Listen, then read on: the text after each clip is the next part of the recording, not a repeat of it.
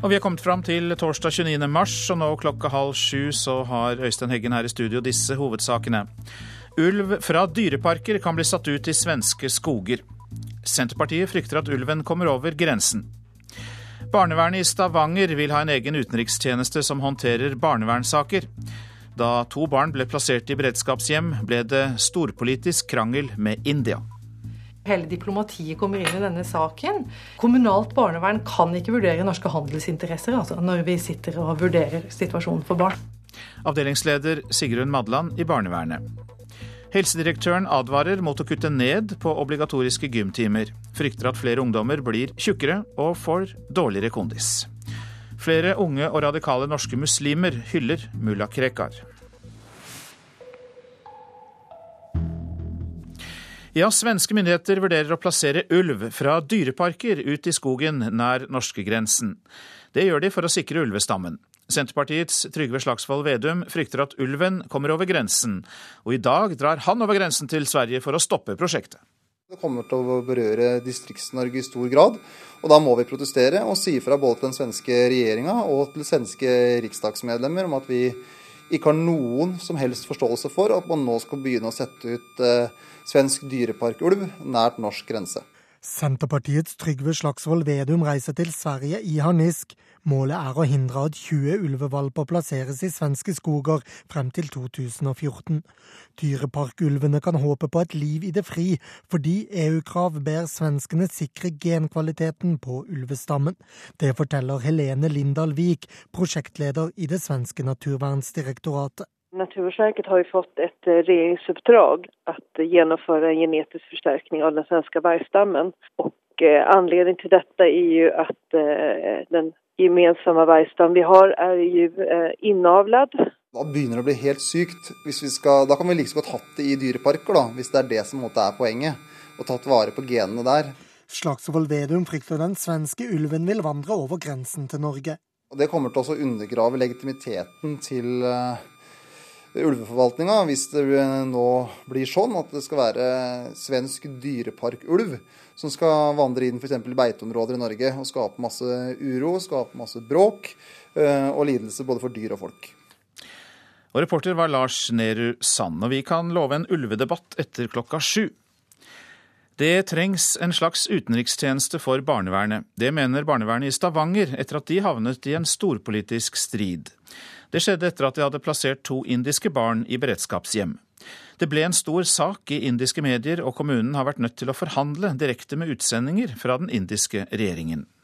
Shock, outrage and anxiety have driven these Statlig barnekidnapping, Norwegian Nightmare, har vært overskriftene i India. To indiske barn i Stavanger ble tatt bort fra mor og far og plassert i beredskapsheim. Det har blitt storpolitikk.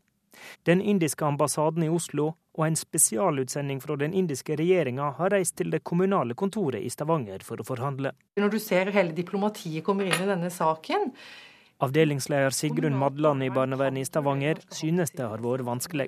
Kommunalt barnevern kan ikke vurdere norske handelsinteresser altså, når vi sitter og vurderer situasjonen for barn.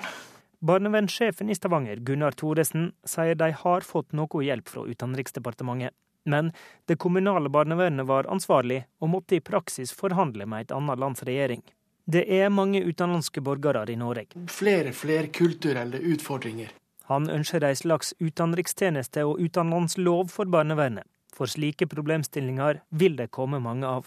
Det er spørsmål som jeg mener at norske sentrale myndigheter må eh, lage retningslinjer for. Det kan ikke være opp til den enkelte kommune. Og, og hvis, hvis en skal ivareta ting som i dag ikke er godt nok ivaretatt i, lovverket, så må det være lovgiverne som lager regelverk på disse områdene. Og det var Håvard Grønli som hadde laget denne saken.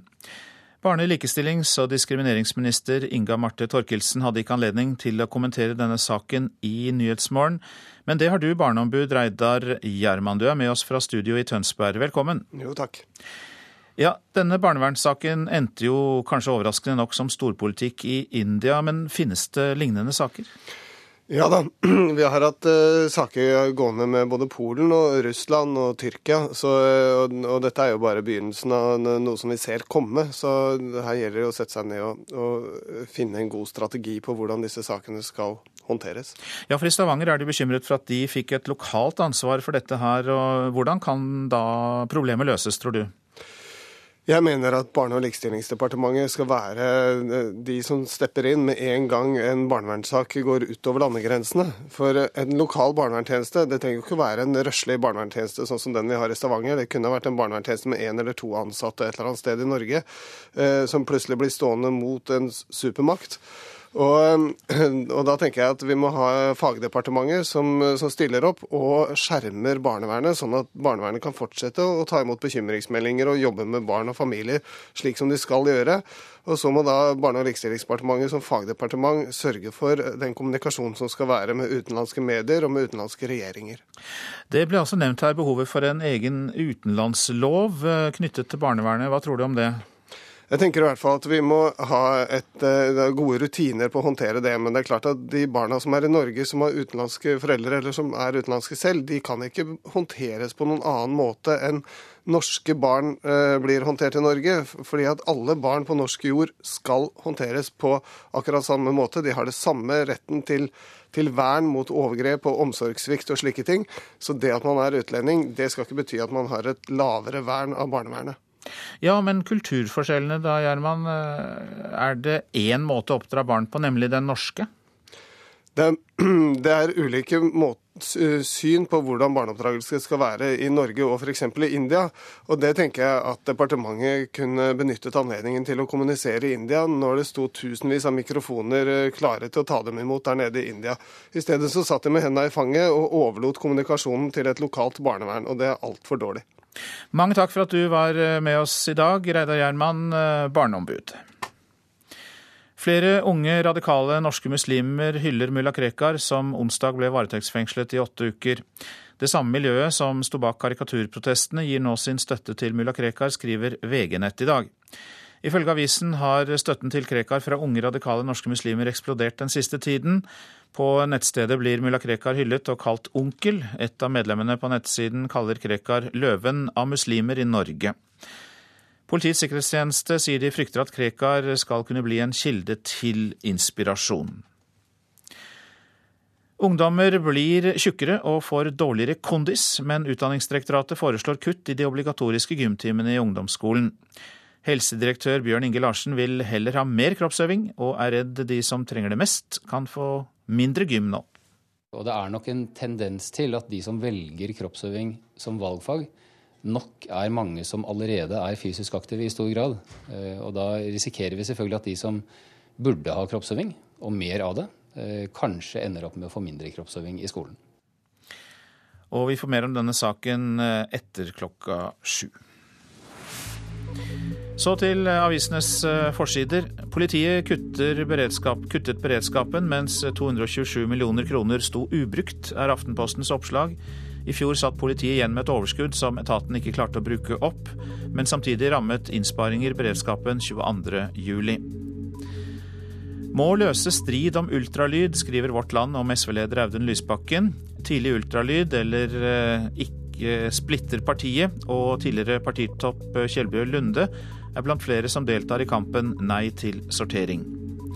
LO-topp Leif Sande mener Statoil bløffer når selskapet truer med å legge ned Mongstad. Statoil presser regjeringen for å få unntak for miljøavgifter, sier Sande. Ny rapport om bivirkninger fra medisiner, skriver Dagbladet. Det var 144 dødsfall knyttet til medisinbruk i fjor. Banksjef fengslet etter utlån til rismarker, er toppoppslaget i Dagens Næringsliv. Takst- og lånepapirer ble forfalsket av den tidligere banksjefen i Vegårshei Sparebank, og lånet han fikk gikk til å kjøpe to rismarker i Thailand. Så lett lures de voksne, er oppslaget i Nordlys. 17-åring forteller avisa om gigantfester i Tromsø, der hundrevis av ungdommer møtes, og der skorter det verken på fyll, bråk eller politibesøk. Torbjørn Jagland raser mot First House, skriver Dagsavisen. Den tidligere statsministeren mener det er usunt og et demokratisk problem at avgåtte toppolitikere samler seg i kommunikasjonsbyrået First House, der de selger sin makt til høystbydende. 3000 kroner i bot for forsinkelse, skriver Stavanger Aftenblad. Hver gang en buss blir forsinket i Stavanger, får operatørselskapet en bot fra fylkeskommunen. Og sjåførene føler seg presset. Målet om 15% økologisk landbruk her i landet innen 2020 kan bli vanskelig å nå, sier landbruksminister Lars Peder Brekk til Nasjonen. Brekk tror likevel at etterspørselen etter økologisk mat vil øke. Og i denne sammenheng så kan vi også sitere VG, for der skriver avisen at kjøttrester og slintrer er det vi får når vi kjøper ferdigmat. Såkalt mekanisk utbenet kjøtt fra gris og kylling finnes i mange hverdagsprodukter som kjøttboller, kjøttpølser og kjøttkaker. Pave Benedikt den 16. holdt utendørsmesse for over 100 000 mennesker før han forlot Cuba i går, men han møtte ingen regimekritikere og paven kom kun med en generell oppfordring til at Cuba må søke sannhet og forandring. De vanskelige spørsmålene kan ha blitt tatt på bakrommet, tror Norges ambassadør til Cuba. Det var veldig spesielt å få delta på det. Eh, man følte at man var med på noe viktig for dette landet, i hvert fall. Sier Jon Petter Oppdal, som satt på en av de første radene da paven talte på revolusjonsplassen her i Havanna. Paven kritiserte Cubas mangel på åpenhet og politiske system før han ankom Cuba. Men under messen var det vanskelig å høre noe av kritikken, selv for Norges ambassadør. Ja, jeg syns det, det, det, var veldig mild, hvis vi kan helt kalle det kritikk. Min analyse av det var vel fraværende så godt som. De snakket om religionsfrihet, eh, og Cuba har religionsfrihet, så det er ikke et problem. Da vil jeg tro at de vanskelige spørsmålene har de snakket om seg imellom for ikke å behøve å måtte ta den type ting i full offentlighet, eh, som eh, ingen av partene vil være kjent med. Hadde du forventet at paven ville ha kommet med kraftigere eh, utsagn om f.eks. åpenhet eller rettferdighet her på Cuba? Nei, ikke i det hele tatt. Kirken her på Cuba har hatt en forholdsvis vanskelig situasjon. og det de tenker nå, også med dette besøket, er langsiktig. Langsiktighet er det viktigste. Det å, å, nå benytte besøket til å kunne kanskje få utvide handlingsrommet, som er noe begrenset. Og For å få det til, så er de helt uh, avhengig av å ikke, ikke gå i noen clinch med, med myndighetene. Den katolske kirken ønsker å få drive med undervisning igjen på Cuba, få tilbake annekterte kirkebygg og få tilgang til media. Pavens besøk kan endre på det.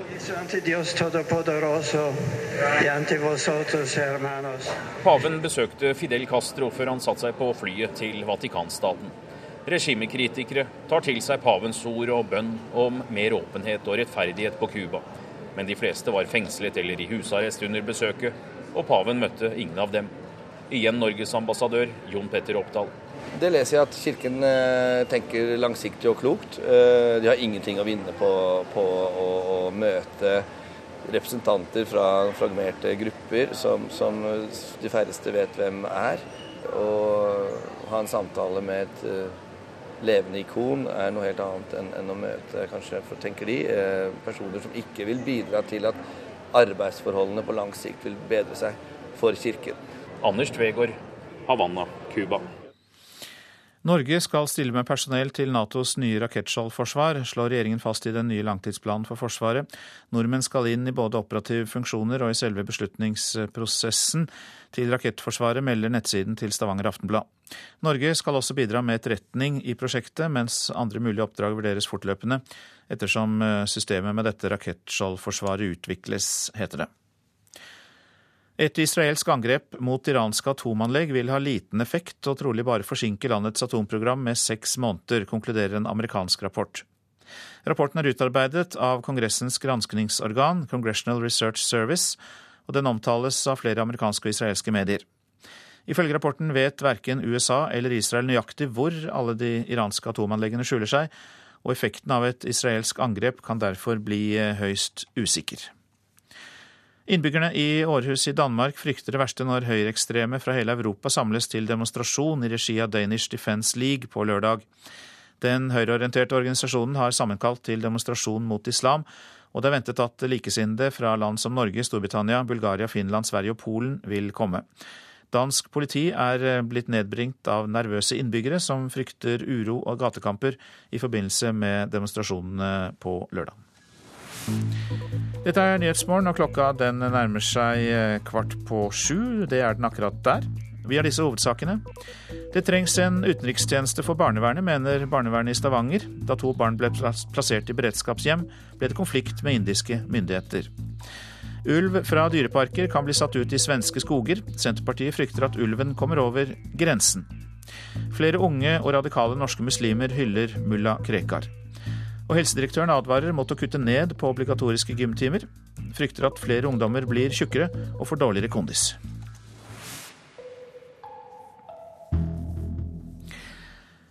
Og det, er viktig for statusen til norsk kvinnefotball at landslaget klarer å kvalifisere seg til EM. Det skal vi høre om nå, for det er leder i Serieforeningen for kvinnefotball, Tone Angeltveit, som mener det. Lørdag spiller Norge den første av to veldig viktige kamper i EM-kvalifiseringen. Så nå er det vinn eller forsvinn, sier landslagstrener Eli Landsem. Ja, Det er helt avgjørende for oss. Eh, for vi er interessert i å komme oss til EM, og det er helt avgjørende for oss å vinne de, de to kampene vi står overfor nå. Eli Landsems tropp har hatt en tøff oppladning til vårens EM-kvalifisering. Landslaget har tapt fire av fem kamper hittil i år, og nå har flere sentrale spillere meldt forfall. Så Det er ikke noe heldig for oss. Men uh, vi kan ikke gjøre noe annet enn å bruke energien på dem vi har her. Og jeg er helt sikker på at de som er her, er interessert i å gjøre en god jobb. Mye står på spill foran kampen mot Bulgaria lørdag og Ungarn onsdag. For aldri før har Norges kvinnelandslag mislykkes med å komme seg til EM. Det ville jo vært forferdelig hvis vi ikke gjorde det for første gang. Det sier leder i Serieforeningen for norsk kvinnefotball, Tone Angeltveit. Hun mener EM-kvalifisering er viktig for kvinnefotballens status. Det å matche seg mot de beste, det å, å være der oppe. Vi ønsker jo å være i, i europatoppen. og Det er der vi hører hjemme, syns vi. Og, og, det har med oppmerksomhet å gjøre. Det, det har med status å gjøre. Altså, det betyr mye for oss. To tap fra høstens EM-kvalik gjør at Norge er i en pressa situasjon. Elin Landsem er likevel ikke bekymra foran oppgjørene mot Bulgaria og Ungarn.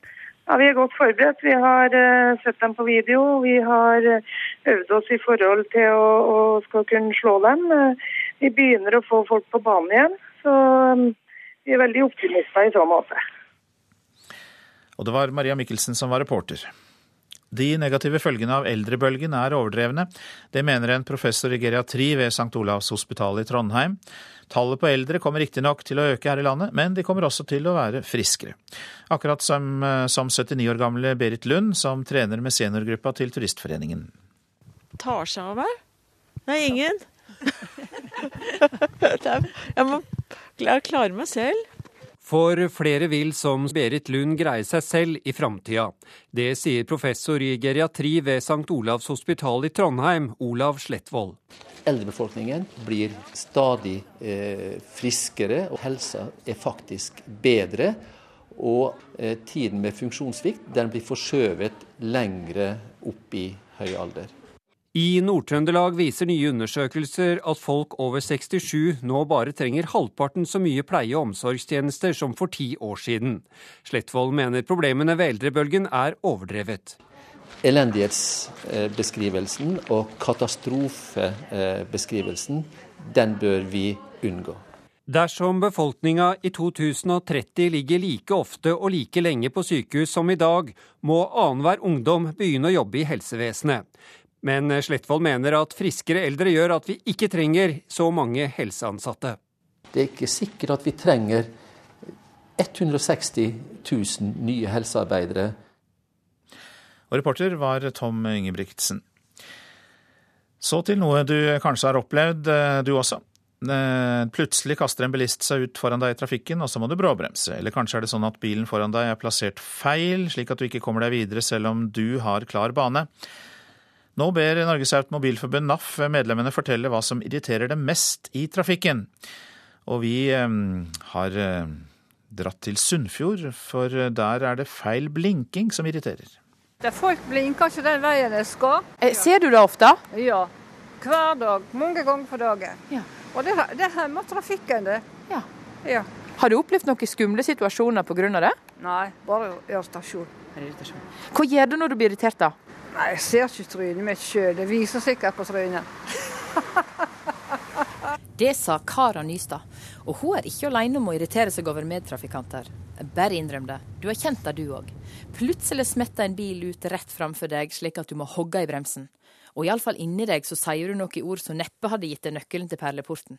Vi får jo stadig eh, henvendelser til, eh, til motor fra bil, eh, ja, først og fremst bileiere og sjåfører som irriterer seg på alt ifra at andre trafikanter ikke bruker blinklys i rundkjøringer eller kjører med, med tåke kurvelys når de ikke skal det. Det sier redaksjonssjef i bladet Motor, Rune Korsvoll. De vil nå høre fra leserne hva som irriterer mest. Og til nå typisk på våren at du har syklister som er ute og trener fire i bredden men også da syklister som da mener at vi bilistene ikke holder nok avstand når, de, når vi passerer. Så irritasjonene står i kø. Og det kan Geir Inge Tystad skrive under på. Tystad kjører lastebil og leverer mye varer i Førde. Og slikt kan gi høyt blodtrykk. Parkering spesielt her i Førde, det er Altså, de bryr ikke seg om skilting, merking på vei, kantlinje, ingenting. Så da å levere varer i Førde, det er Et mareritt. Også trafikklærerne kjenner på at det er en del oppførsel i trafikken som kan gnage litt. Til og med på ei tålmodig sjel. Det som irriterer meg mest, det er mangel på, eh, på blinklysbruk. Det sier Jan Erik Odden. Den mangeårige trafikklæreren har lagt merke til flere mangler hjå trafikantene på bygda. Og plassering i rundkjøring bl.a. Særlig rundkjøring. Og så er det en ting til som eh, jeg syns er litt forstemmende, og det er her i, i Førde spesielt, og det er parkering. For når du ser at det står en tre-fire ledige parkeringsplasser, så kommer det en bil og presterer å parkere med den ene hvite stripa midt under bilen. Så den tar altså da to parkeringsplasser. Det syns jeg er litt sånn unødvendig. Kjørelærer Odden får jevnt over medhold fra kollega Tore Kirketeig, som òg har merka seg et annet fenomen til irritasjon. Og så er det vel eh, ingen sunnfjordinger snart som kan høyderegelen. De ser en vei som går rett fram, og da er det bare å stå på. Sideveier, det, det har de ingen sans for. Det. Ja, det sa Tore Kirketeig, og reporter var Tone Merete Lillevang Stugu. Så til jazzmusikk, for det utdannes for mange jazzmusikere her i landet. Det mener mange av landets musikere. Antall jazzstudenter ved norske universiteter og høyskoler er mer enn tredoblet eh, de siste ti år. Stadig flere tilbyr utdanning for utøvende musikere. Og i samme tidsrom så har ikke antall musikkjobber økt.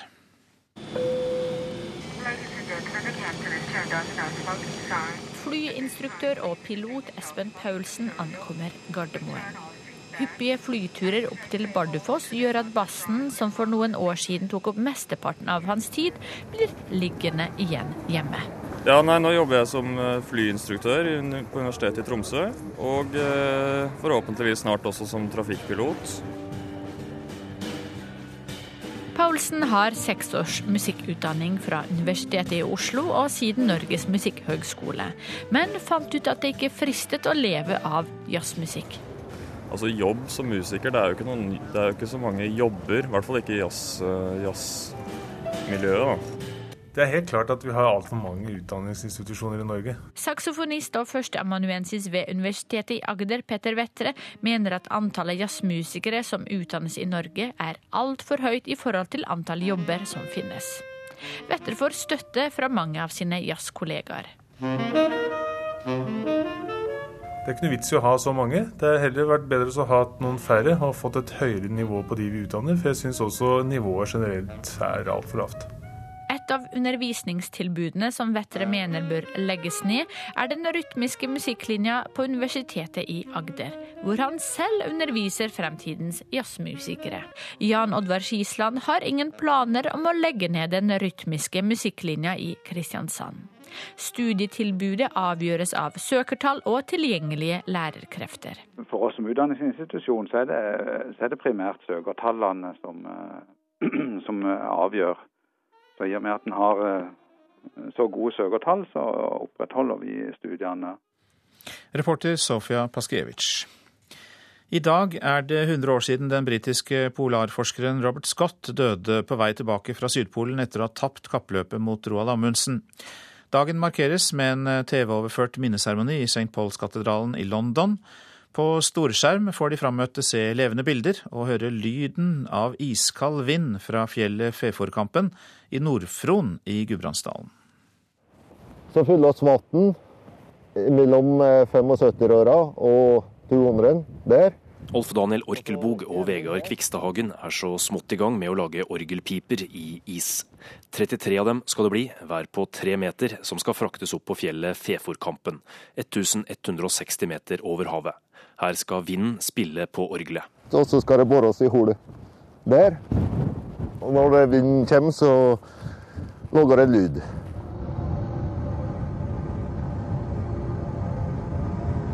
Mikrofoner i hver enkelt pipe fanger lyden, som skal spilles av i ærverdige St. Pauls-katedralen i London i to uker fra 22. mars.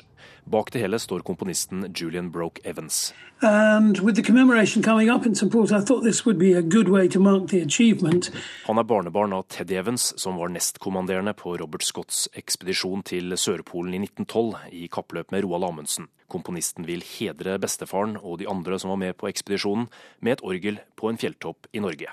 Because I wanted the installation to symbolize in various poetic ways their achievements, and on the top of the mountain there is a sense of isolation. Fefor er ikke tilfeldig valgt. Det var her Scott lå på treningsleir før han dro til isødet. I fjor gjorde Broke Evans noe av det samme på Sørpolen, og da hørtes det slik ut.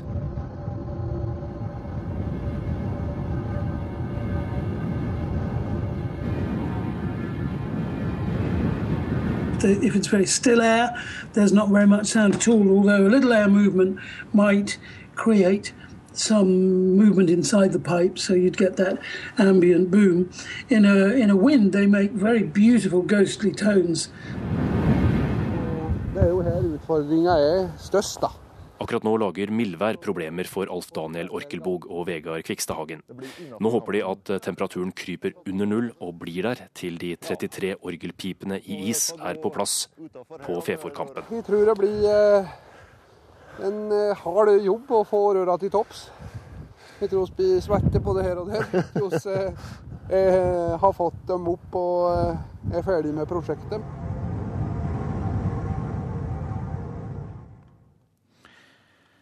Og reporter i denne saken var Stein S. Eide og Stein Skinstad.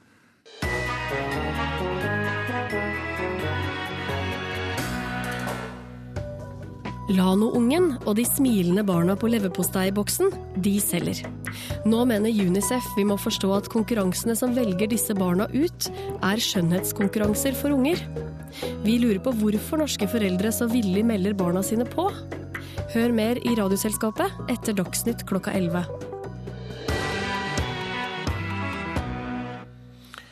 Og nå rett før sju er det tid for et værvarsel. Fjell i Sør-Norge først. Nordvestlig kuling utsatte steder, etter hvert minkende. Snøbyger, særlig nord for Finnsene. I østlige områder blir det få byger og lettere skydekke.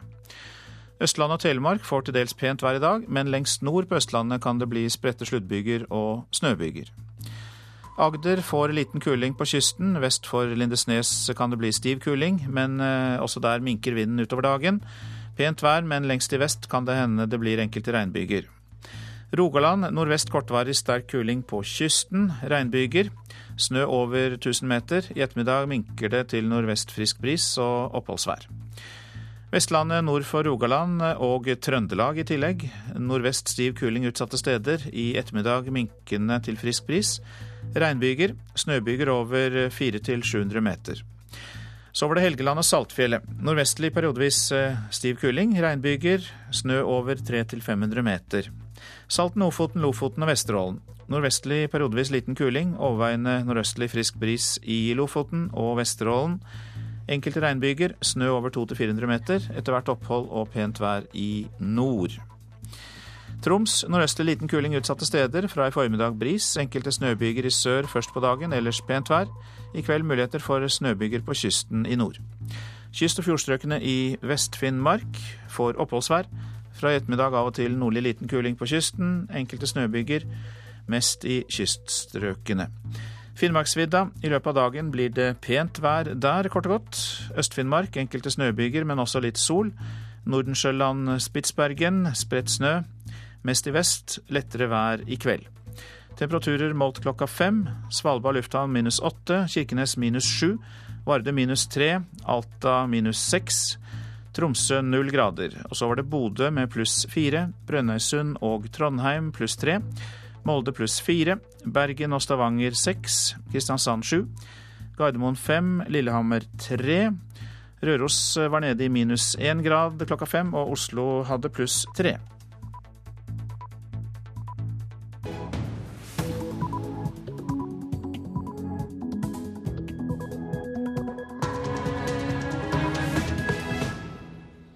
Det er Nyhetsmorgen du lytter til, og klokka er nå sju. I studio i dag Øystein Heggen, og vi skal nå ha en nyhetsoppdatering.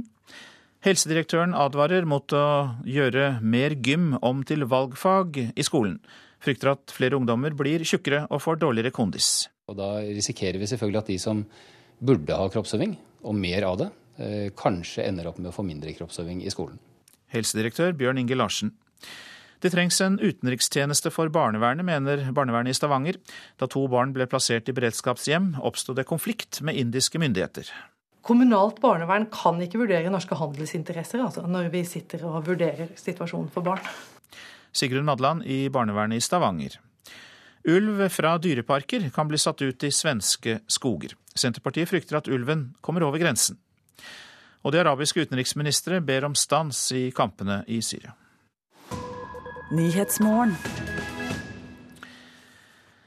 Norske ungdommer blir tjukkere og får dårligere kondis, men Utdanningsdirektoratet foreslår færre obligatoriske gymtimer i ungdomsskolen.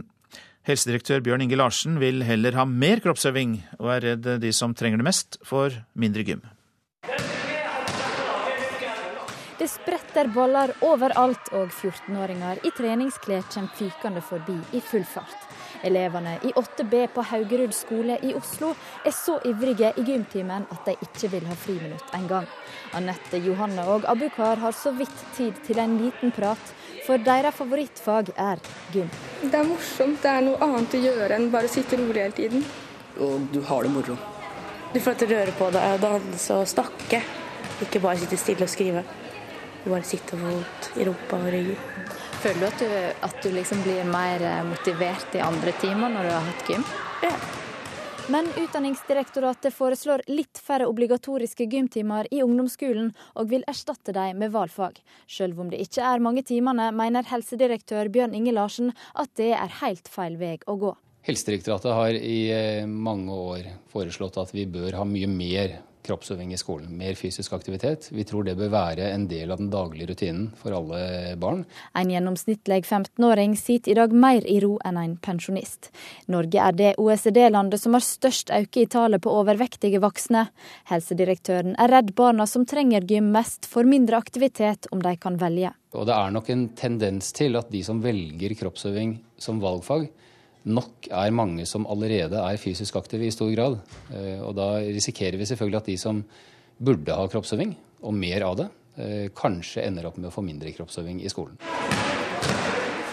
Tilbake i gymsalen ringer det snart ut. Gymlærer Lisbeth Larsen sier elevene blir mer konsentrerte når de skal sitte i ro og rekne matte og skrive stil i timene etter gymmen. Spesielt for øyeblikket nå har vi svømming. Og da er de voldsomt rolige når de kommer tilbake, konsentrerte. Eh, da er, har de virkelig fått eh, brukt seg fysisk. Kunnskapsminister Kristin Halvorsen er enig i at det bør bli flere gymtimer. Jo, men vi måtte få på plass valgfag. Fordi ungdom på ungdomsskolen var så lite motivert. Vi måtte gi dem et svar på det de ønska seg, nemlig muligheten til å følge interessene sine mer. Og helsedirektøren må skjønne at det har også med folkehelse å gjøre. For det handler om motivasjon og mestring, og det handler også om psykisk styrke til å gå løs på livet framover. Men jeg er enig med helsedirektøren. Jeg skulle gjerne, jeg skulle gjerne hatt det sånn at alle eh, ungdommer måtte være fysisk aktive minst en time hver dag. Dette er et svært spørsmål som jeg gjerne diskuterer med helseministeren og med, med helsedirektøren framover. Reportere Eirin Årdal og Kjartan Røslett. Og Tore Bakker, velkommen til deg. Du er kroppsøvingslærer på Årvoll skole i Oslo og har vært det mer enn, ja, gjennom mer enn 30 år. Og det var vel kanskje i vår barndom at han løp ut på Løkka og spilte fotball? Ja, leken var jo mye mer fysisk. Skulle vi treffe kjente og flørte med jentene, så var det jo på Løkka. Det var, Vi tok på skøytene hjemmefra, gikk direkte dit på skøytebanen og lekte hauk og due sisten. Vi drev med tjuv og polte. Alt leken var fysisk. Og det ser vi jo resultatene i dag også. Jeg, jeg har jo vært kroppsøvingslærer på Årvoll skole i Oslo i 37 år. Og der har vi en stafett som heter Årvollia rundt. Jeg er veldig stolt av egentlig. Vi har hatt den i 37 år. Det har vært samme lengde. Stafetten er klasse, stille klasselag. Og det er fem jenter og fem gutter på laget. Stafetten går i området rundt skolen, og nå har vi faktisk elleve skoler i Groruddalen med. Det som er interessant, er at lengden på løypa har vært akkurat den samme gjennom alle de 37 årene. Og så ser vi av resultatene at uh, gjennomsnittstiden for de enkelte klassene, femte klasse, sjette klasse, 7. og oppover, den har gått tilbake med 25-30 sekunder. Det er mye på en løype som er bare 2053 meter. Så kan man spørre seg er det så farlig? At du ikke løper fortere. Nei, sa jeg, det er ikke så farlig, men det sier noe om det fysiske aktivitetsnivået. Så den kan vi måle. Som kroppsøvingslærer så har jeg også sett at det går veldig tilbake også på utholdenhet. Spenst, alt mulig. Det som vi før eh, gjorde på Løkka, hoppa spratt, det gjør vi ikke lenger. Så jeg klarer ikke idrettsmerket engang. Dette er ikke elevenes feil, egentlig, men det er en kultur blitt. Sånn at, ja. Det var jo interessant å høre om denne, løypa som har vært den samme i så mange år, og hvor du da kan måle resultatene. Og hva, hva syns du da om uh, dette forslaget om å kutte ned uh, i obligatoriske kroppsøvingstimer? Jeg syns det er helt det, det, er, det, er ikke, det er ikke noen grunn til det. Tvert imot. Jeg syns forslaget er håpløst. Jeg er helt enig med helsedirektøren. Det bør være flere gymtimer. Uh, og da må det være gym. Man skal undervise gym. Man skal ikke bare ha gym, og det krever utdannede lærere. Da bør det være, som helsedirektør sier, én time per dag. Det vi ser nå, det, det, valgfaget, det kommer til å skvise skolene. De kommer til å sitte med et dilemma. For sånn som i Oslo. I Oslo så er det lagt ut en sju-åtte valgfag, og skolene skal vel velge fire, for de klarer ikke å ta alle. Og så har man lagt planer for de fire teoretiske fagene. Man kan også ta idrett, men da må man lage helt egne planer med kriterier for vurdering osv. Jeg er redd for at det er få skoler en, som tilbyr idrett. Og når det er sagt, hvem er det da som velger det idrettsfaget? Det er, som eh, ble hevdet her, jeg tror at de som allerede driver mye idrett. For det jeg ser gjennom et langt liv, vi har toppen og så har vi stor bunn. Vi har ikke det midtsjiktet som lekte og dreiv med fysisk aktivitet som før. Det ser jeg på et problem. Så helseministeren, eller eh, direktoratet, mener jeg har helt rett. Ministeren mener jeg totalt feil. Hjertelig takk for at du kom til oss, Tore Bakker, kroppsøvingslærer på eh, Årvoll eh, skole. Flere unge radikale norske muslimer eh, hyller mulla Krekar, som i går ble varetektsfengslet i åtte uker. Det skriver VG-nett. Ifølge avisen har støtten til Krekar eksplodert den siste tiden. Til knatringen fra pressekameraer ble mulla Krekar i går ført inn i Oslo tingrett og varetektsfengslet for åtte uker, siktet for nye trusler, bare dager etter at han fikk fem års fengsel for draps- og terrortrusler. Nå får mullaen støtte av radikale muslimer i Norge, skriver VG-nett. Det skal være det samme miljøet som sto bak karikaturprotestene. På en nettside omtales mulla Krekar som onkel og løven av muslimer i Norge. Tidligere generalsekretær i Islamsk råd, Shuaib Mohammed Sultan, sa i går til NRK at han frykter støtte fra nettopp radikale miljøer. Ekstreme grupperinger ellers som bruker ham som en sak å å samle troppene rundt. Uh, og, og, det er veldig vanskelig å si hva som vil skje. Men uh, jeg tror at det er grunn til å holde uh, nøye øye med en del av disse miljøene. Men det har blitt sagt at det kan føre til attentat, eller at det kan skje noe på norsk jord. Hva tror du om det? Ja, altså Muligheten er jo til stede, men jeg vet ikke om jeg ville vurdert muligheten som veldig stor. Men at, at de menneskene som er, at de menneskene som er truet av eh, Krekar, eh, bør ta en del forholdsregler, tror jeg nok eh, man kan være ganske sikker på. Og Det var Tonje Grimstad og Eline Buvar Pårdal som hadde laget denne saken. Svenske myndigheter vurderer å plassere ulv fra dyreparker ut i skogen nær norskegrensen. Det blir gjort for å sikre ulvestammen. Senterpartiets Trygve Slagsvold Vedum frykter at ulven kommer over grensen. Og i dag drar han selv over grensen til Sverige for å stoppe prosjektet. Jeg skal møte den eh, svenske landbruksministeren, eh, den parlamentariske lederen for Senterpartiet i, i Riksdagen og mange andre riksdagsmedlemmer. Frykten for ulv fører ham til Sverige. Senterpartiets Trygve Slagsvold Vedum vil stoppe svenske planer om å sette ulv fra dyreparker ut i det fri. Det kommer til å berøre Distrikts-Norge i stor grad. Og da må vi protestere og si fra både til den svenske regjeringa og til svenske riksdagsmedlemmer om at vi ikke har noen som helst forståelse for at man nå skal begynne å sette ut eh, svensk dyreparkulv nært norsk grense. Den svenske ulvestammen sliter med innavl.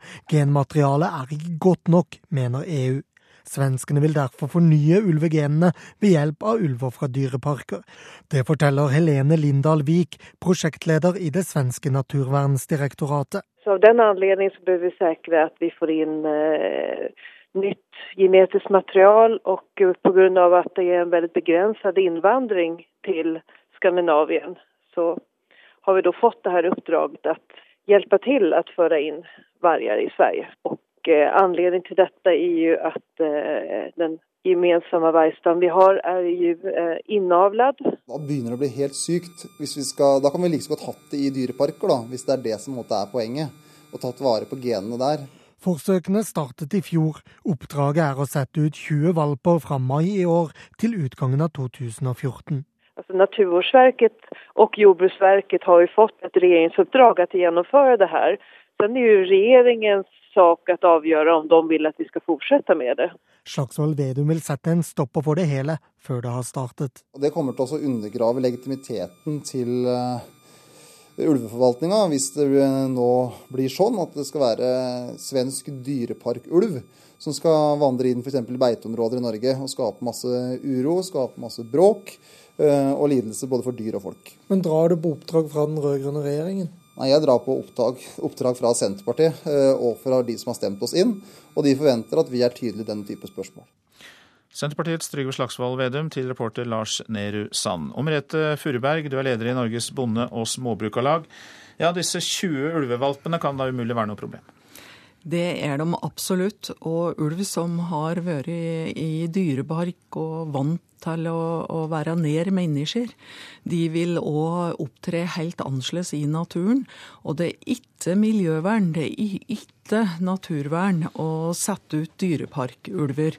Og med tanke på all eh, matproduksjon vi nå må øke, og basert på eh, miljøvennlig beiting i utmarka, alle som bor eh, i utmarksdistrikter i Bygde-Norge, vil jo da få ulven helt på kroppen. Det vil bli flere enn mine naboer som er nødt til å ha drosjer når de skal ha unger på skolen.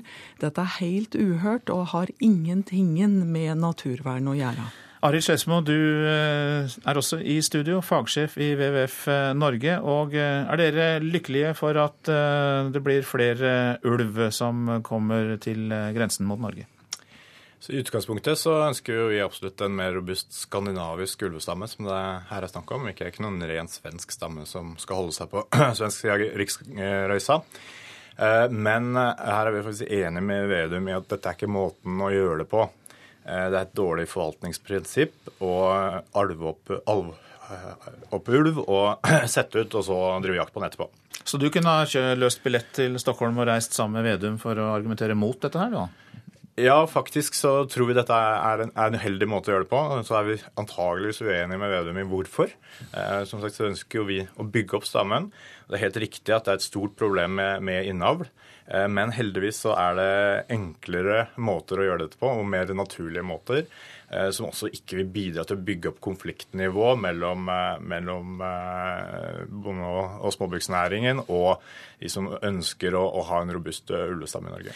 La oss, la oss, ta det da, før vi gir ordet til din sidekvinne. Hvordan skal man da sikre denne stammen best mulig når man ikke kan bruke det grepet som svenskene gjør? Mm. det første er å la være å skyte dem. Det hjelper godt på antallet. Eh, for det andre så er det et reelt problem som jeg sa, med, med genetiske mangfoldet. Og da har vi robuste stammer både i Finland og Russland. Og det er fullt mulig for de dyrene å trekke sørover, forutsatt at de ikke blir skutt på veien. Så det svenske myndigheter må gjøre, er å bidra til å opprettholde en, en korridor eh, som ulven kan bevege seg på på naturlig vis. Da er dere sikkert enige om dere to at sånn zoologisk hageulv det vil dere ikke ha noe av. Men Merete Furuberg, hva syns du om disse tiltakene her for å styrke det genetiske materialet til den ulven som vi har?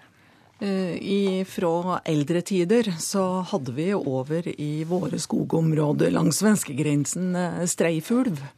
Og den streifulven er jo, slik jeg oppfatter det, en del av det naturlige mangfoldet. Men det da å skulle ha unaturlig mange ulv, helt unaturlig i forhold til andre arter som gjør at andre rødlista arter eh, kommer i fare. Da må en rett og slett eh, gjøre som Slagsvold Vedum sier, at da må en sikre det genetiske mangfoldet på en annen måte. Og eh, innenfor kontrollerte områder. Og det har faktisk norske myndigheter, Stortinget, vært med og vedtatt, for det hjemler biodiversitetskonvensjonen. Ja, bare Viktig er å, å, poengtere at det ikke er en unaturlig høy ulvestamme vi snakker om i, i, i volum. 150 år siden så det, hadde vi stammer på flere tusen ulv i disse eh, områdene. Så det er, eh, det er en naturlig del av biomangfoldet i, i området. Eh, de ble skutt ut på 50-tallet, og så har vi en jobb nå med å få det opp igjen på naturlig vis. Ja, Har ulven en plass i Norge, Merete Furuberg? Som streifulv, ja. Men ø, utsatte ulver og da ulver og rovvilt som eh, er fare for at annet biologisk eh, og faretruende eh, ja, planter og dyr at de skal bli utryddet. Og at det òg skal gå ut over miljøvennlig, menneskelig virksomhet. Det er vi helt imot i Norsk Bonde- og Småbrukerlag. Men hva er så fint med denne streifulven? Hvorfor er den mer akseptabel? Det er færre ulv. Det er naturlig ulv som er en del av vår villmark. Det å sette ut så mange ulver, og det å ha unaturlig mange ulver som gjør at det da blir et innavl, det er helt uh, feil. Ja, streifulv, Skedsmo. Skjetsmo. Ja, det, Jeg skjønner ikke helt hva Bondelaget her vil uh, fram til. Altså Streifulv er ofte de som skaper problemer eh, og menneske- og dyrekonflikter.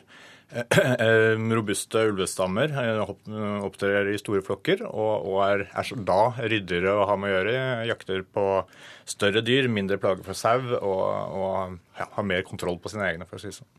Her er det uenighet om uh, flokk eller streif, men dere er i hvert fall enige om at svenskene ikke bør ta uh, små ulvunger ut av zoologisk hage og plassere det langs grensen. Det kan dere være enige om. Takk for at dere kom i uh, studio, begge to. Ja, Du lytter til Nyhetsmorgen. Klokka har passert 7.17, og dette er hovedsaker. Alle som ønsker å dø hjemme skal få oppfølging av trossamfunnet de tilhører. Det vil Trondheim Høyre. De arabiske utenriksministrene ber om stans i kampene i Syria. Helsedirektøren advarer mot å gjøre mer gym om til valgfag på skolen. Frykter at flere ungdommer skal bli tjukkere og få dårligere kondis. Og det trengs en utenrikstjeneste for barnevernet, mener barnevernet i Stavanger. Da to barn ble plassert i beredskapshjem, oppsto konflikt med indiske myndigheter. De arabiske utenriksministrene ber om stans i kampene i Syria. De oppfordrer regimet i Syria om å følge spesialutsending Kofi Annans fredsplan. Men det har vært nye harde kamper i landet. Den arabiske liga holder nå toppmøte i Bagdad, og flere statsoverhoder er ventet til det som nå er møtets viktigste dag. Det er historisk sus over møtet Den arabiske liga nå holder i Bagdad. For første gang på over 20 år samles organisasjonen i den irakiske hovedstaden. Siden sist møte har USA ledet to kriger mot landet, mens Saddam Hussein brutalt har slått ned flere opprør. Nå er han borte, og hans motstander er ved makten. Det sjiamuslimske flertallet ledet av statsminister Nouri al-Maliki, men også kurderne som har presidentembetet.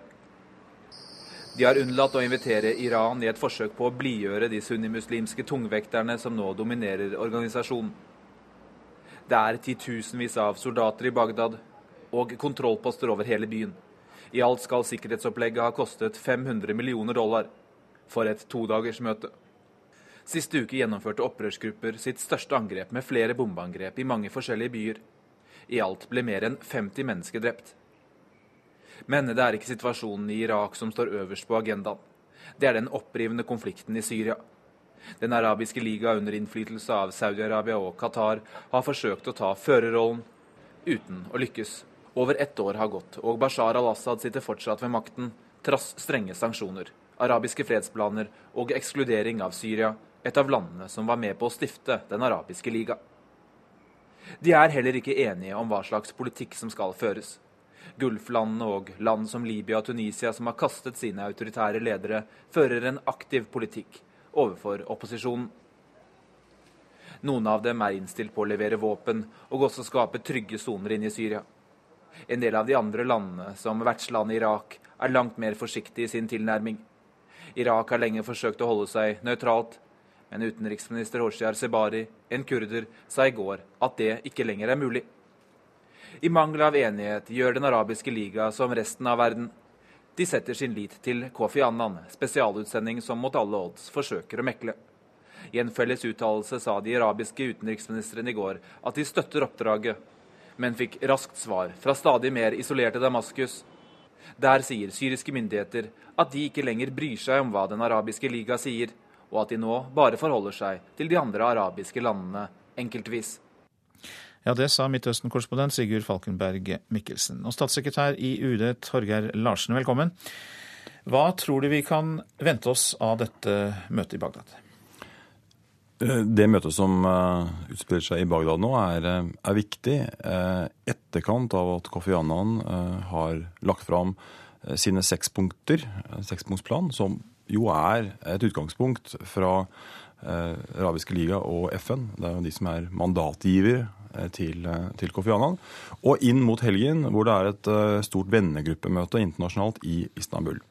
Det vi kan forvente, er at eh, Den arabiske liga også stiller seg bak Kofi Annans eh, plan, som på mange måter har hovedpunktene fra den arabiske eh, fredsplanen. Det interessante her hele veien har vært at Den arabiske liga Vi hører her at de ikke er helt, helt enige internt, men det er en enighet om hovedretningen, og de er førende. For første gang vil jeg si, så er Den arabiske liga førende for å finne en internasjonal vei ut av den forferdelige krisa vi, vi da ser i, i, Syria.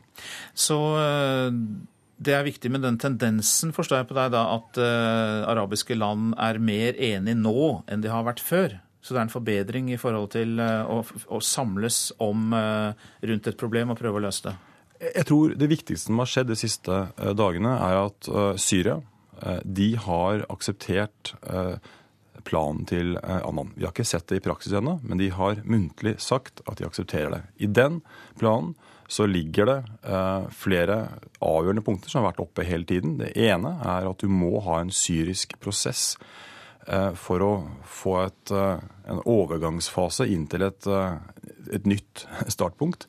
Det andre er å stoppe krigshandlinger, tilbaketrekninger og observatører inn. Eh, og det jobbes nå med FN-observatører for å sette sammen eh, en slags styrke. Det vil selvfølgelig avhenge av at du får en avtale, ikke bare en muntlig aksept fra syriske myndigheter og Assad. Det det betyr, er at presset begynner å virke langsomt, vil jeg si. For første gang så framstår det som at det syriske regimet ser seg nødt til å forholde seg til FN og det internasjonale samfunnet på en eh, ny måte. Og det kommer nok av bl.a. at eh, enigheten på internasjonalt nivå er i ferd med å etableres. Eh, du hadde en presidentuttalelse i Sikkerhetsrådet her for eh, noen dager siden, der både Russland og Kina stilte seg bak. Det vil si at eh, vi skal, ikke, vi skal ikke si at det er store skritt framover, men det er skritt. Det er i ferd med å, å, å utkrystallisere seg en dynamikk eh, som går i en, eh, går i en, retning. Og det er ikke overraskende, for presset er massivt eh, mot, mot regimet. Og Det var interessant, men bare helt kort til slutt, Torgeir Larsen, så er det jo også snakk om at de arabiske land kanskje står mer samlet nå enn de har gjort før?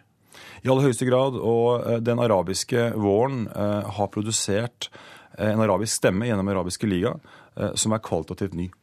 Hjertelig takk for at du kom, statssekretær i UD Torgeir Larsen. Både Sudan og Sør-Sudan har erklært at de ikke ønsker å gå til krig. Sør-Sudan har trukket tilbake soldatene som gikk over grensa ved oljefeltet Heglig. Sudans regjering benekter samtidig at de har bombet oljefeltet i sør. Malis avsatte president Amadou Touré sier til franske journalister at han ikke er kommet til skade etter statskuppet sist uke. Han er i landet, men vil ikke si hvor han oppholder seg. Faren til mannen som skjøt skolebarn i Toulouse, har søkt advokatråd i Algerie. Han vil stevne fransk politi, som drepte sønnen da han forsøkte å flykte. En amerikansk leverandør av sykehusutstyr har hentet ut sensitive opplysninger om sykehuspasienter og lagret opplysningene i et amerikansk register. Saken er den største Datatilsynet har hatt til behandling fra helsesektoren i Norge. Sensitiv informasjon om norske pasienter har vært på avveie i USA. Selskapet GE Healthcare Systems hentet ut sensitiv informasjon om 126 000 pasienter i ti ulike helseforetak, skriver Dagens Medisin. Innhentingen og lagringen av de sensitive opplysningene er klart i strid med norsk lov. GE Healthcare Systems hentet ut pasientenes navn, personnummer, kjønn, høyde, vekt, fødselsdato og kliniske opplysninger. De varslet selv om hendelsen etter en intern revisjon som avdekket det hele november i fjor. De sier selv at de ikke var klar over at opplysningene ble tatt ut. De beskriver det hele som et uhell, der de tok ut flere data de trengte for å sjekke røntgenutstyr. Det er helseforetakene som er ansvarlige for databehandlingen, og for å sikre at sensitive personopplysninger blir lagret i samsvar med gjeldende regler. Helse Vest uttaler til Dagens Medisin at de ikke tror noen pasienter har blitt skadelidende. For å sikre personvern og datasikkerhet går nå helseforetakene gjennom egne rutiner og avtalene med alle utstyrsleverandørene på nytt, slik at kommersielle selskaper kun får hentet ut informasjon de lovlig har tilgang til. Og det sa reporter Line Tomter. Så skal vi ta en titt på eh, avisene i dag. Politiet kuttet beredskapen mens 227 eh, millioner kroner sto ubrukt, er Aftenpostens oppslag. I fjor eh, satt politiet igjen med et overskudd som etaten ikke klarte å bruke opp, men samtidig rammet innsparinger beredskapen 22.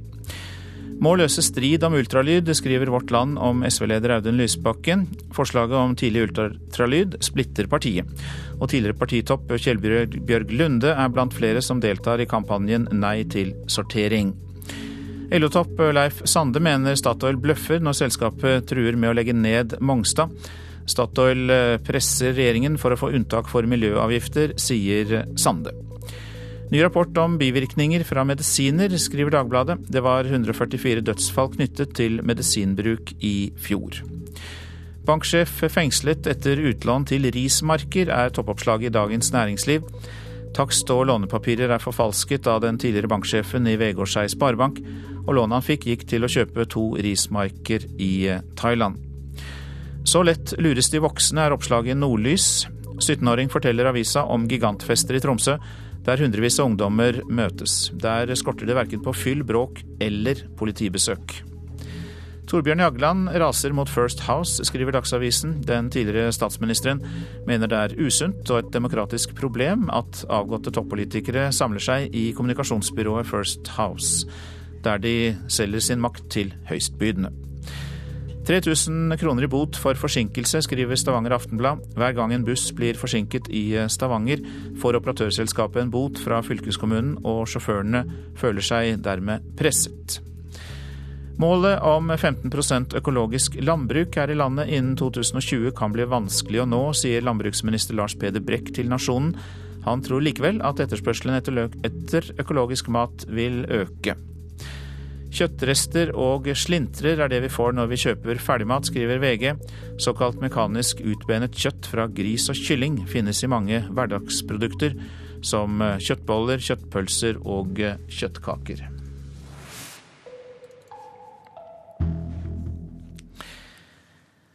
Da eh, nærmer vi oss ganske straks eh, Dagsnytt, eh, men vi tar med at Silje Katrine Bjarkøy var produsent for Nyhetsmorgen i dag. Her i studio sitter Øystein Heggen. Og vi kan fortelle også at vi etter Dagsnytt blant annet skal høre om, hvis jeg får tak i det vi da skal høre om her, den russiske flåte som øver i Østersjøen. Marinen har 5000 mann om bord, og på land står Hans-Wilhelm Steinfeld. Hør ekko. De har utført dataangrep på Visa, Facebook og amerikanske dataselskaper før. Og nå gjør de seg klar til kamp igjen. Om to dager har en gruppe hackere sagt at de skal drepe internett. Er det mulig? Og i så fall, hvilke konsekvenser vil det kunne få? Ekko 9 11 i NRK P2.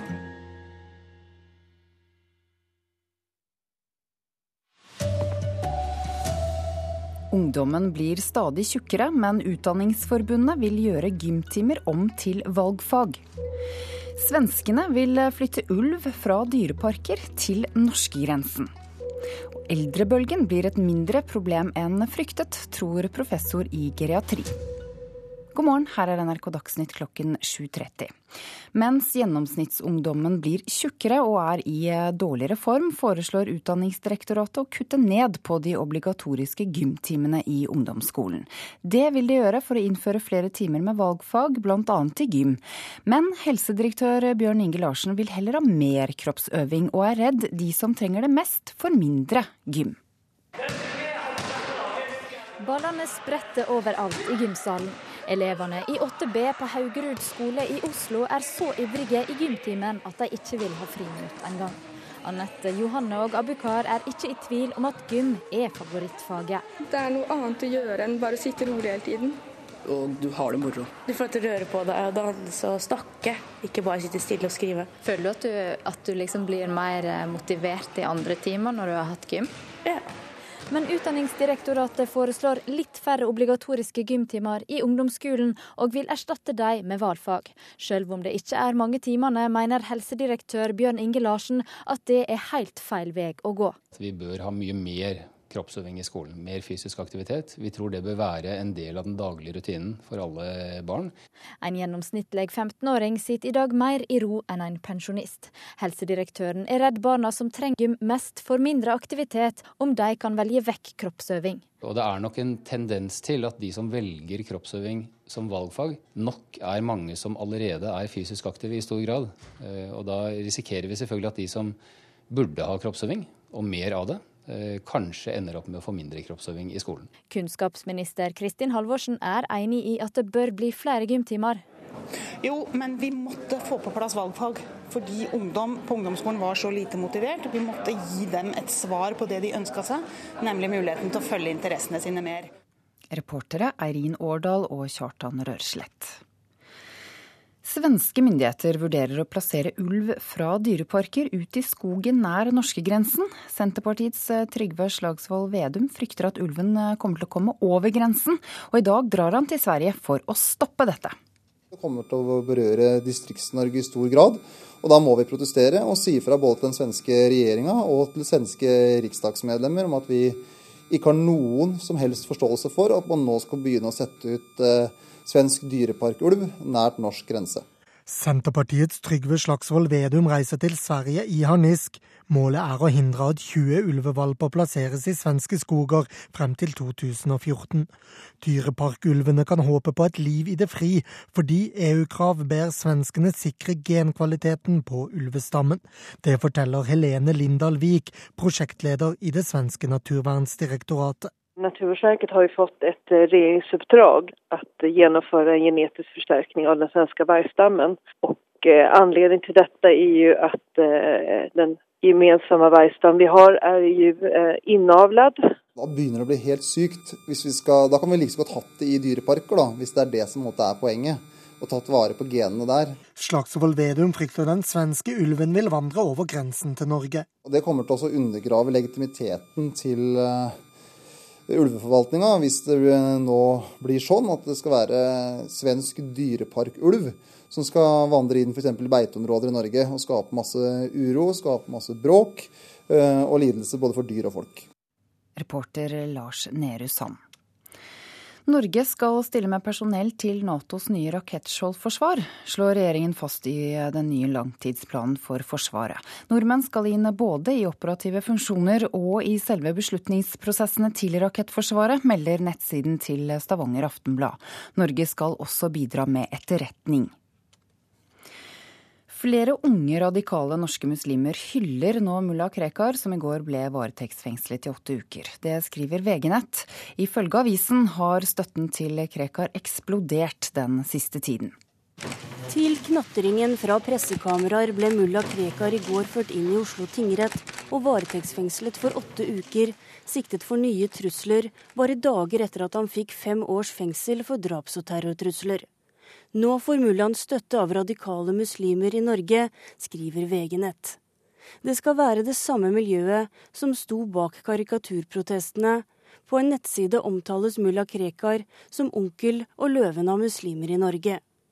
Tidligere generalsekretær i Islamsk råd, Shuaib Mohammed Sultan, sa i går til NRK at han frykter støtte fra nettopp radikale miljøer. Ekstreme grupperinger ellers som bruker ham som en sak å å samle troppene rundt. Uh, og, og, det er veldig vanskelig å si hva som vil skje. Men uh, jeg tror at det er grunn til å holde uh, nøye øye med en del av disse miljøene. Men det har blitt sagt at det kan føre til attentat, eller at det kan skje noe på norsk jord. Hva tror du om det? Ja, altså Muligheten er jo til stede, men jeg vet ikke om jeg ville vurdert muligheten som veldig stor. Men at, at de menneskene som er, at de menneskene som er truet av eh, Krekar, eh, bør ta en del forholdsregler, tror jeg nok eh, man kan være ganske sikker på. Reportere Tonje Grimstad og Eline Buvarp Årdal. De negative konsekvensene av eldrebølgen er overdrevet. Det mener professor i geriatri ved St. Olavs hospital i Trondheim, Olav Slettvold. Selv om antallet eldre her i landet vil øke dramatisk i årene fremover, vil de ikke trenge så mange tjenester fra helsevesenet som dagens eldre. Eldrebefolkningen blir stadig eh, friskere, og helsa er faktisk bedre. Og eh, tiden med funksjonssvikt den blir forskjøvet lengre opp i høy alder. I Nord-Trøndelag viser nye undersøkelser at folk over 67 nå bare trenger halvparten så mye pleie- og omsorgstjenester som for ti år siden. Slettvold mener problemene ved eldrebølgen er overdrevet. Elendighetsbeskrivelsen og katastrofebeskrivelsen, den bør vi unngå. Reporter Tom Ingebrigtsen. Det trengs eh, en egen utenrikstjeneste for barnevernet. Det mener barnevernet i Stavanger. Barnevernet i byen har plassert to indiske barn i kommunen i beredskapshjem, og det har blitt en gigantisk sak i indiske medier. Kommunen har måttet eh, forhandle direkte med utsendinger fra den indiske regjeringen. Når du ser hele diplomatiet kommer inn i denne saken, Avdelingsleder Sigrun Madland opplevde at den kommunale tjenesten ble pressa av ei supermakt. Kommunalt barnevern kan ikke vurdere norske handelsinteresser altså, når vi sitter og vurderer situasjonen for barn. Sjefen i barnevernet, Gunnar Thoresen, sier det ikke er enkelt med flerkulturelle saker der de plutselig må forhandle med et annet land. Det er spørsmål som jeg mener at norske sentrale myndigheter må eh, lage retningslinjer for. Det kan ikke være opp til den enkelte kommune. Regjeringa må ta utenriksansvaret, mener også barneombud Reidar Gjerman. Barne- og likestillingsdepartementet bør ta ansvaret for alle barnevernssaker som ender i en internasjonal konflikt. Reporter her var Håvard Grønli. Et israelsk angrep mot iranske atomanlegg vil ha liten effekt og sannsynligvis bare forsinke landets atomprogram med rundt seks måneder. Det konkluderer en amerikansk rapport. Rapporten er utarbeidet av Kongressens granskingsorgan, og den omtales av flere amerikanske og israelske medier. Ifølge rapporten vet verken USA eller Israel nøyaktig hvor alle de iranske atomanleggene er, og effekten av et angrep kan derfor bli høyst usikker. Så blir det sport. Nå er det vinn eller forsvinn. Det sier kvinnelandslagstrener i fotball Eli Landsem foran de to viktige EM-kvalifiseringskampene mot Bulgaria og Ungarn. Norge må vinne for å få spille i EM, sier Landsem.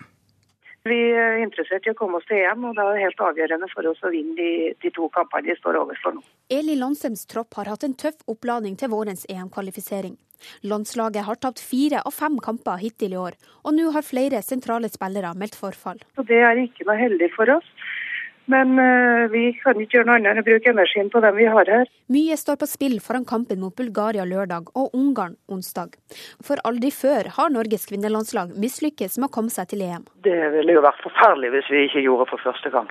Det sier leder i Serieforeningen for norsk kvinnefotball, Tone Angeltveit. Hun mener EM-kvalifisering er viktig for kvinnefotballens status. Det er der vi hører hjemme, syns vi. Og, og det har med oppmerksomhet å gjøre. Det det har med status å gjøre. Altså, det betyr mye for oss.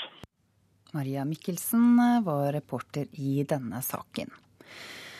Ansvarlig for denne sendingen var Ragnhild Bjørge. Teknisk ansvarlig Frode Thorshaug. Jeg heter Ida Creed.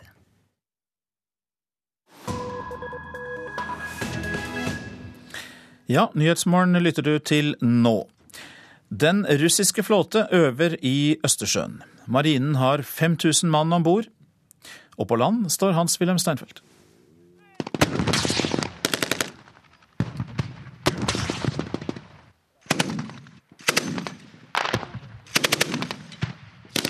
Kanonene og bombekasterne drønner mens mitraljøsene smatrer her helt ytterst mot grensen til Polen på øvingsfeltet til den 5000 mann sterke marinebrigaden som tilhører den russiske østersjøflåten med hovedbase i Baltisk, helt vest her i Kaliningrad-enklaven.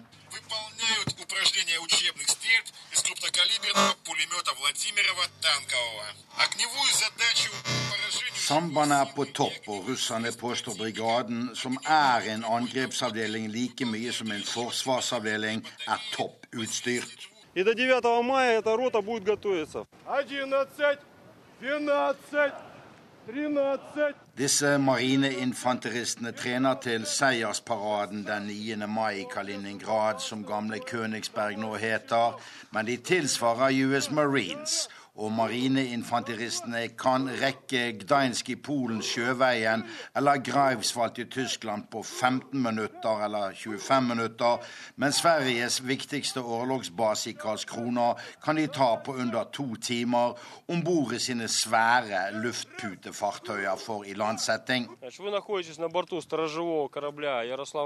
На сегодняшний день это самый современный корабль в военно-морском флоте. Kommandørkaptein Sergej Sugrobov på fregatten Jaroslav Modry sier hans fartøy, som ble kommisjonert i 2009, er det mest moderne fartøyet av sin klasse i den russiske marinen. Når jeg spør ham om han er enig med den norske forsvarssjefen i at tilliten mellom militære i øst og vest er på et helt annet nivå under den kalde krigen, svarer skipssjefen ubetinget ja.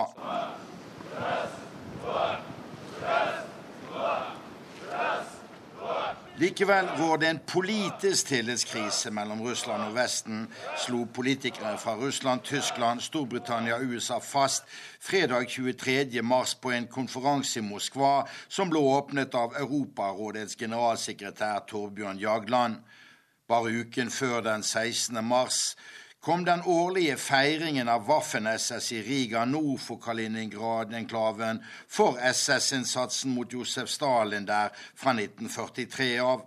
Årlig prøver russerne å få vedtatt i Europarådet at det skal tas avstand fra slike nazimanifestasjoner, men de mislykkes politisk med dette.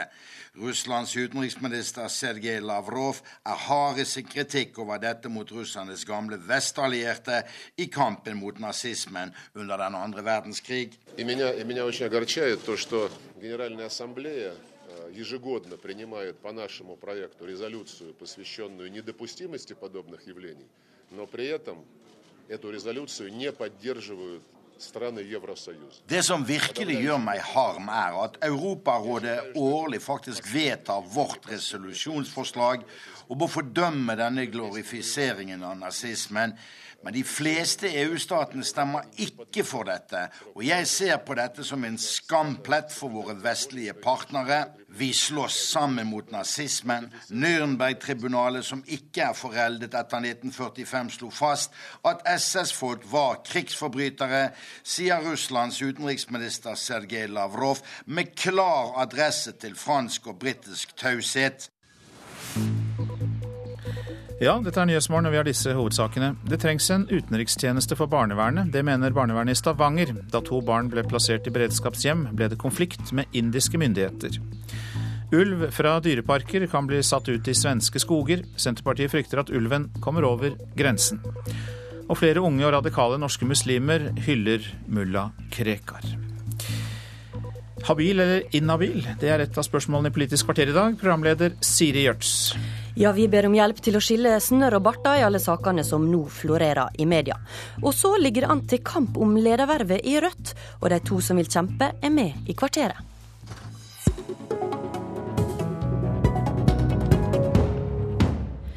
I går så fortalte NRK at tidligere helseminister Bjarne Håkon Hansen trolig begikk lovbrudd da han ga 60 millioner kroner til Kirkens Bymisjon uten at noen andre fikk muligheten til å søke om de pengene. Og det til en organisasjon hvor kona jobber. Og dette føyer seg da inn i rekka av saker hvor offentlige penger har blitt gitt til organisasjoner knytta til venner eller bekjente av statsrådene. Og Anders Anundsen, leder i kontroll- og konstitusjonskomiteen for Frp. Hvordan ser du nå på denne saken i forhold til de andre sakene som har vært tidligere? Jeg tror vi skal understreke at alle disse sakene har jo sine egne virkeligheter og sin egen dynamikk. Men det er noen fellestrekk, og det er noen ting som er ulike. Det som er felles for alle disse sakene, er jo at habilitet har vært et veldig sentralt spørsmål. Eller fraværet av vurdering av egen habilitet har vært et sentralt spørsmål. Og det er en utfordring, fordi vi, er, vi lever i et samfunn som er helt avhengig av at de som fatter beslutninger, er habile. Det betyr rett og slett at du bare skal forholde deg til politikk og fakta når du skal ta en beslutning, og ikke vennskap, kjennskap eller penger eller andre ting som ikke har noe med saken å gjøre. Og da er det ikke nødvendigvis det om du er inhabil eller ikke som er det viktigste spørsmålet, men det viktigste spørsmålet er at du klarer å få foretatt en vurdering av den habiliteten før det fattes en beslutning. Så jeg mener at det er det som er det viktigste fellestrekket i disse sakene, og det er det som også kan uh, svekke tilliten som folk må ha til vår forvaltning. Utover det så er det en del uh, ulikheter ved de ulike sakene, naturligvis. Martin Kolberg, du er da nestleder i kontrollkomiteen for Arbeiderpartiet. Uh, I går så sa opposisjonen på Stortinget at de følte seg ført bak lyset når det gjaldt denne saken til Bjarne Håkon Hansen og pengestøtta til Kirkens Bymisjon. Forstår du deres reaksjon når sånt kommer opp? Nei, det gjør jeg egentlig ikke akkurat i det spørsmålet der. Jeg mener at uh, saken var lagt fram på en veldig riktig måte for Stortinget. Det kommer veldig fram, tydelig fram i proposisjonen. Men nå, nå, er det ting som tyder på at man kan ha begått lovbrudd ved denne tildelinga? Ja, det vil ikke jeg stille meg bak et slikt uttrykk overhodet. Det får vi eventuelt, med strek under eventuelt, komme tilbake til. Men når Stortinget behandla dette, så visste man veldig tydelig hva regjeringen ved Bjarne Håkon Hansen hadde gjort. Det står tydelig i proposisjonen, og jeg mener at opposisjonen her ikke har grunnlag for å si det de sa i går. Slik at den, på det punktet vil jeg være veldig tydelig. Men det betyr ikke at ikke jeg som Anundsen er veldig opptatt av at vi skal være veldig nøye med habilitetsspørsmålene. Det har vi vært enig i hele tiden. Og derfor har også posisjonspartiene og Arbeiderpartiet i kontrollkomiteen stilt seg bak de nødvendige gjennomgangene av disse sakene som vi diskuterer her. Men da for å, for å ta dette med habiliteten, da, som da dere åpenbart syns er viktigst. Den andre saken, i som, den saken som dreier seg om at UD har bevilga penger til Senter for nordområdelogistikk der en venn av utenriksminister Jonas Gahr Støre da er styreleder og var initiativtaker, så holder Støre hardnakka på at han er habil. Men all folkelig logikk, når det er liksom skapt tvil om det, tilsier at hvorfor sjekker man det da bare ikke? Hva tenker du om det? Nei, jeg, jeg, støtter meg på det som utenriksministeren har sagt hele tiden her, og jeg tror på hans ord. Men, men når det er skapt tvil, hvorfor ikke da bare sjekke? Ja, Nå er denne saken flere år tilbake, og jeg syns ikke det, i hvert fall i ettertid, er noe grunnlag for, for utenriksministeren å gå tilbake og be om en habilitetsvurdering nå. Altså, Lovavdelingen i Justisdepartementet, det er ingen domstol. Og det å gå tilbake Men det var, nettopp, som... det var vel nettopp det det blei i Lysbakken-saken? Ja, Det vil jeg ikke si, fordi Lysbakken selv trakk den konklusjonen. Og det er det som er det essensielle når det gjelder reglene rundt habilitet. Det er jo at statsrådene selv, eller den som er berørt av saken, uansett om han er statsråd eller ikke, skal gjøre sine egne vurderinger. Eh, jeg vil ha lyst til å legge til en ting i forbindelse med resonnementet rundt Bjarne Håkon Hansen, hvis jeg kan få lov til det. Og det er å si at jeg tror det ville vært veldig fornuftig nå om Bjarne Håkon Hansen selv hadde kommet ut og forklart hva som hadde skjedd i den saken.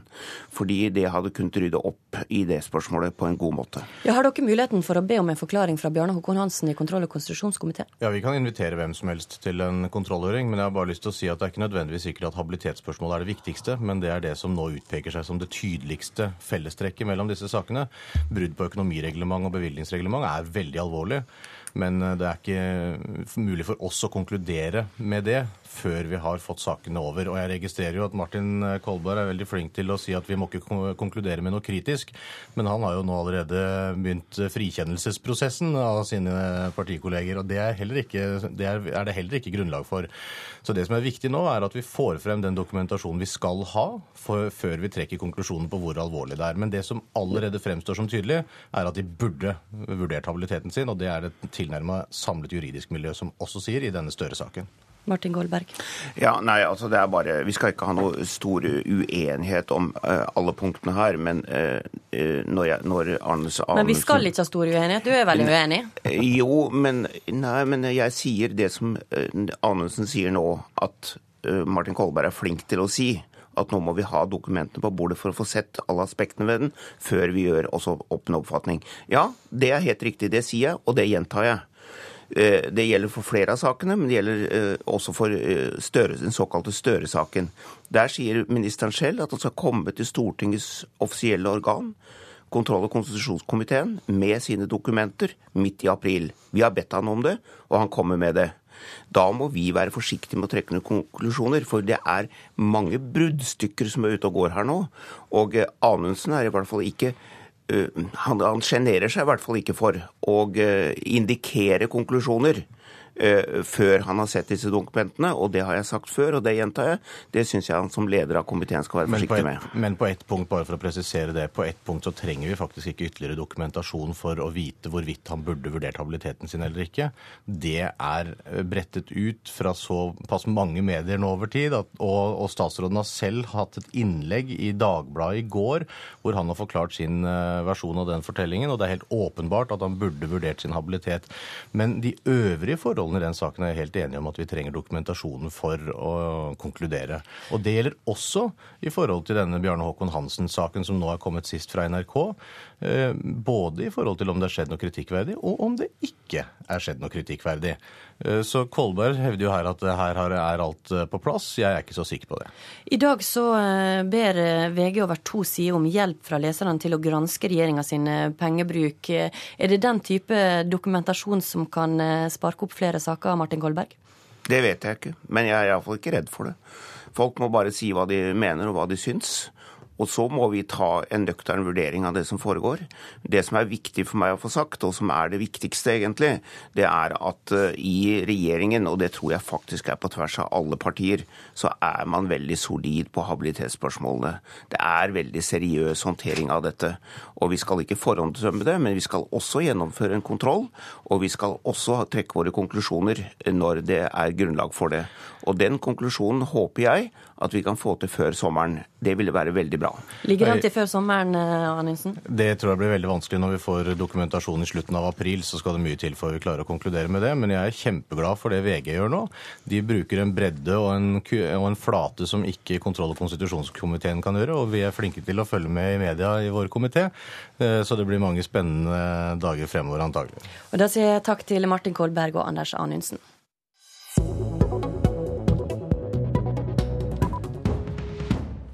Det ligger an til kamp om ledervervet i partiet Rødt når det skal ha sitt landsmøte i begynnelsen av mai. For mens den sittende lederen vil fortsette, så foretrekker et flertall av valgkomiteen at nestlederen skal overta ledertrøya. Og Turi Thomassen, du er leder i Rødt. Hvorfor mener du det er riktig at du får fortsette som leder?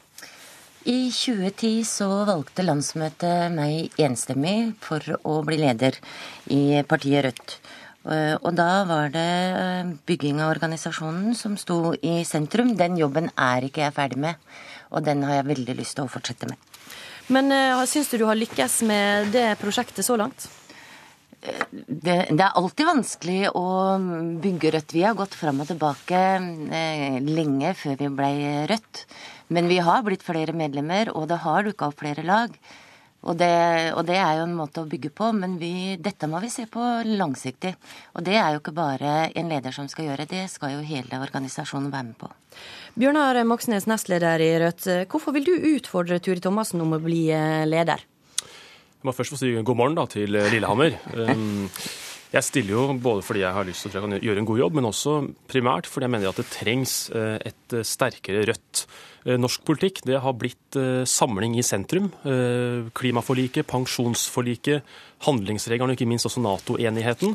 De store partiene på Stortinget er enige i mange store saker. Da trenger et parti til venstre som er et tydelig alternativ. Det er nok andre som etter mitt syn visker ut forskjellene men, men, mellom høyre og venstre. Men hvorfor gjør ikke de, da Turi Thomassen denne jobben bra nok? Ja, jeg, altså jeg, vil snakke for mitt kandidatur, og jeg syns Turi også gjør en, en god jobb. Men vi har et stort rom politisk for eh, Rødt i Norge. Og spesielt i og med at SV nå har eh, fullført det linjeskiftet som de begynte under Kosovo-krigen, med sin støtte til Libya-krigen eh, i fjor. Det er veldig mange radikale mennesker i Norge som, synes, som nok syns det er vanskelig at SV har støtta en krig som hittil har ført til 30 000 drepte libyere. Men du, du, skal få snakke om ditt kandidatur, men du må da si hva du vil gjøre i forskjell for det som har blitt gjort til nå? Altså Jeg har vært en del av ledelsen uh, fram til nå, og vil være det fortsatt uansett hvordan det går uh, i valget uh, på landsmøtet. Men jeg tror vi kan lære to ting av søsterpartiet vårt i Danmark, Enhetslisten. Uh, de var i en lignende situasjon som det, som det, Rødt er i nå, for noen år tilbake.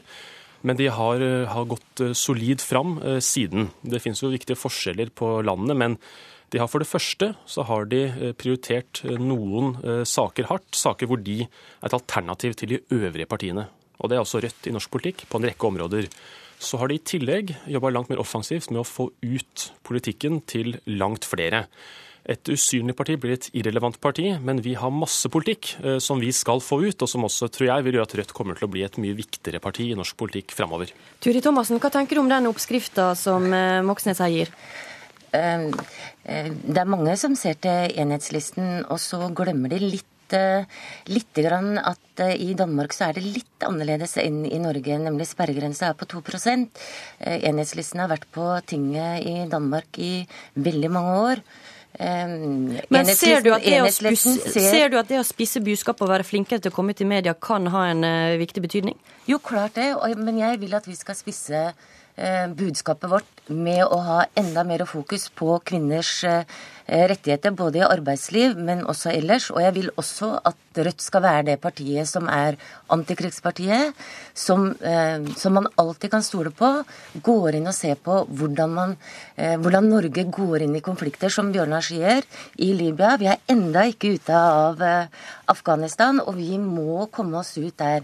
Så internasjonal eh, politikk kommer til å bli kjempeviktig i verden framover, nå som vi har den økonomiske krisa, klimakrisa, som gjør at folk vil bevege seg rundt, og stormakter vil prøve et, eh, et spill for å få størst mulig markedsandel. Men til, men, til, Klassekampen så har du sagt at du mener at det at valgkomiteen foretrekker Moxnes eh, har å gjøre med å komme ut, eh, evnen til å komme ut i media. Eh, noe av den kritikken som har eh, vært med meg mot meg, det har jo vært at jeg har vært eh, usynlig i media. Og om det er sant eller ikke, det, jo, det er det jo Rødt-landet som, som, må vurdere, og resten av verden må vurdere det. Men eh, det er jo ikke sånn at jeg har vært usynlig på Bekken og Strøm eh, i Oppland eller Monica Okpe når det har vært eh, markeringer der. Jeg har jo vært rundt omkring. Så det er hvem er det som ser, og hvordan er det man måler det? Er det sånn at folk slutter seg til Rødt fordi at du ser at du har en teori og en praksis som henger sammen. Jeg mener at det er noe av det som vi må kjempe for i Rødt å beholde. At også praksisen som du gjør som eh, et partimedlem, vil være med å spre politikken ut i hele Norge. Og det er der vi må bygge. Bygg grunnorganisasjonen. Det er medlemmene ute i verden som er eh, viktig. Og så er vi i, på sentralkontoret noen som skal hjelpe til for å gjøre det mulig for at de skal drive politisk arbeid. Moxnes. Rødt er fredspartiet i Norge. Og mange har lurt på om det er mindre rom for oss nå som Lysbakken har blitt eh, leder i SV. Mitt svar er et tydelig nei, selv om jeg liker Lysbakken. For det første har han sagt at han ikke lenger er marxist. Han vil ikke flytte SV til venstre, og han har også selv gått varmt inn for krigen i Libya. Så det er et stort rom for et parti til venstre for regjeringa og for SV i Norge. Det er også viktig for hele venstresida og for fagbevegelsen. For hvis du ikke får tydelig skille mellom høyreside og venstreside, ja da taper venstresida. Så jeg har god tro på en god og rød framtid for Rødt. Og Da fikk utfordreren det siste ordet, for jeg må dessverre si takk til Bjørnar Moxnes og Turi Thomassen. Vår tid er ute, og med det så takker Siri Gjørts for seg i Politisk kvarter.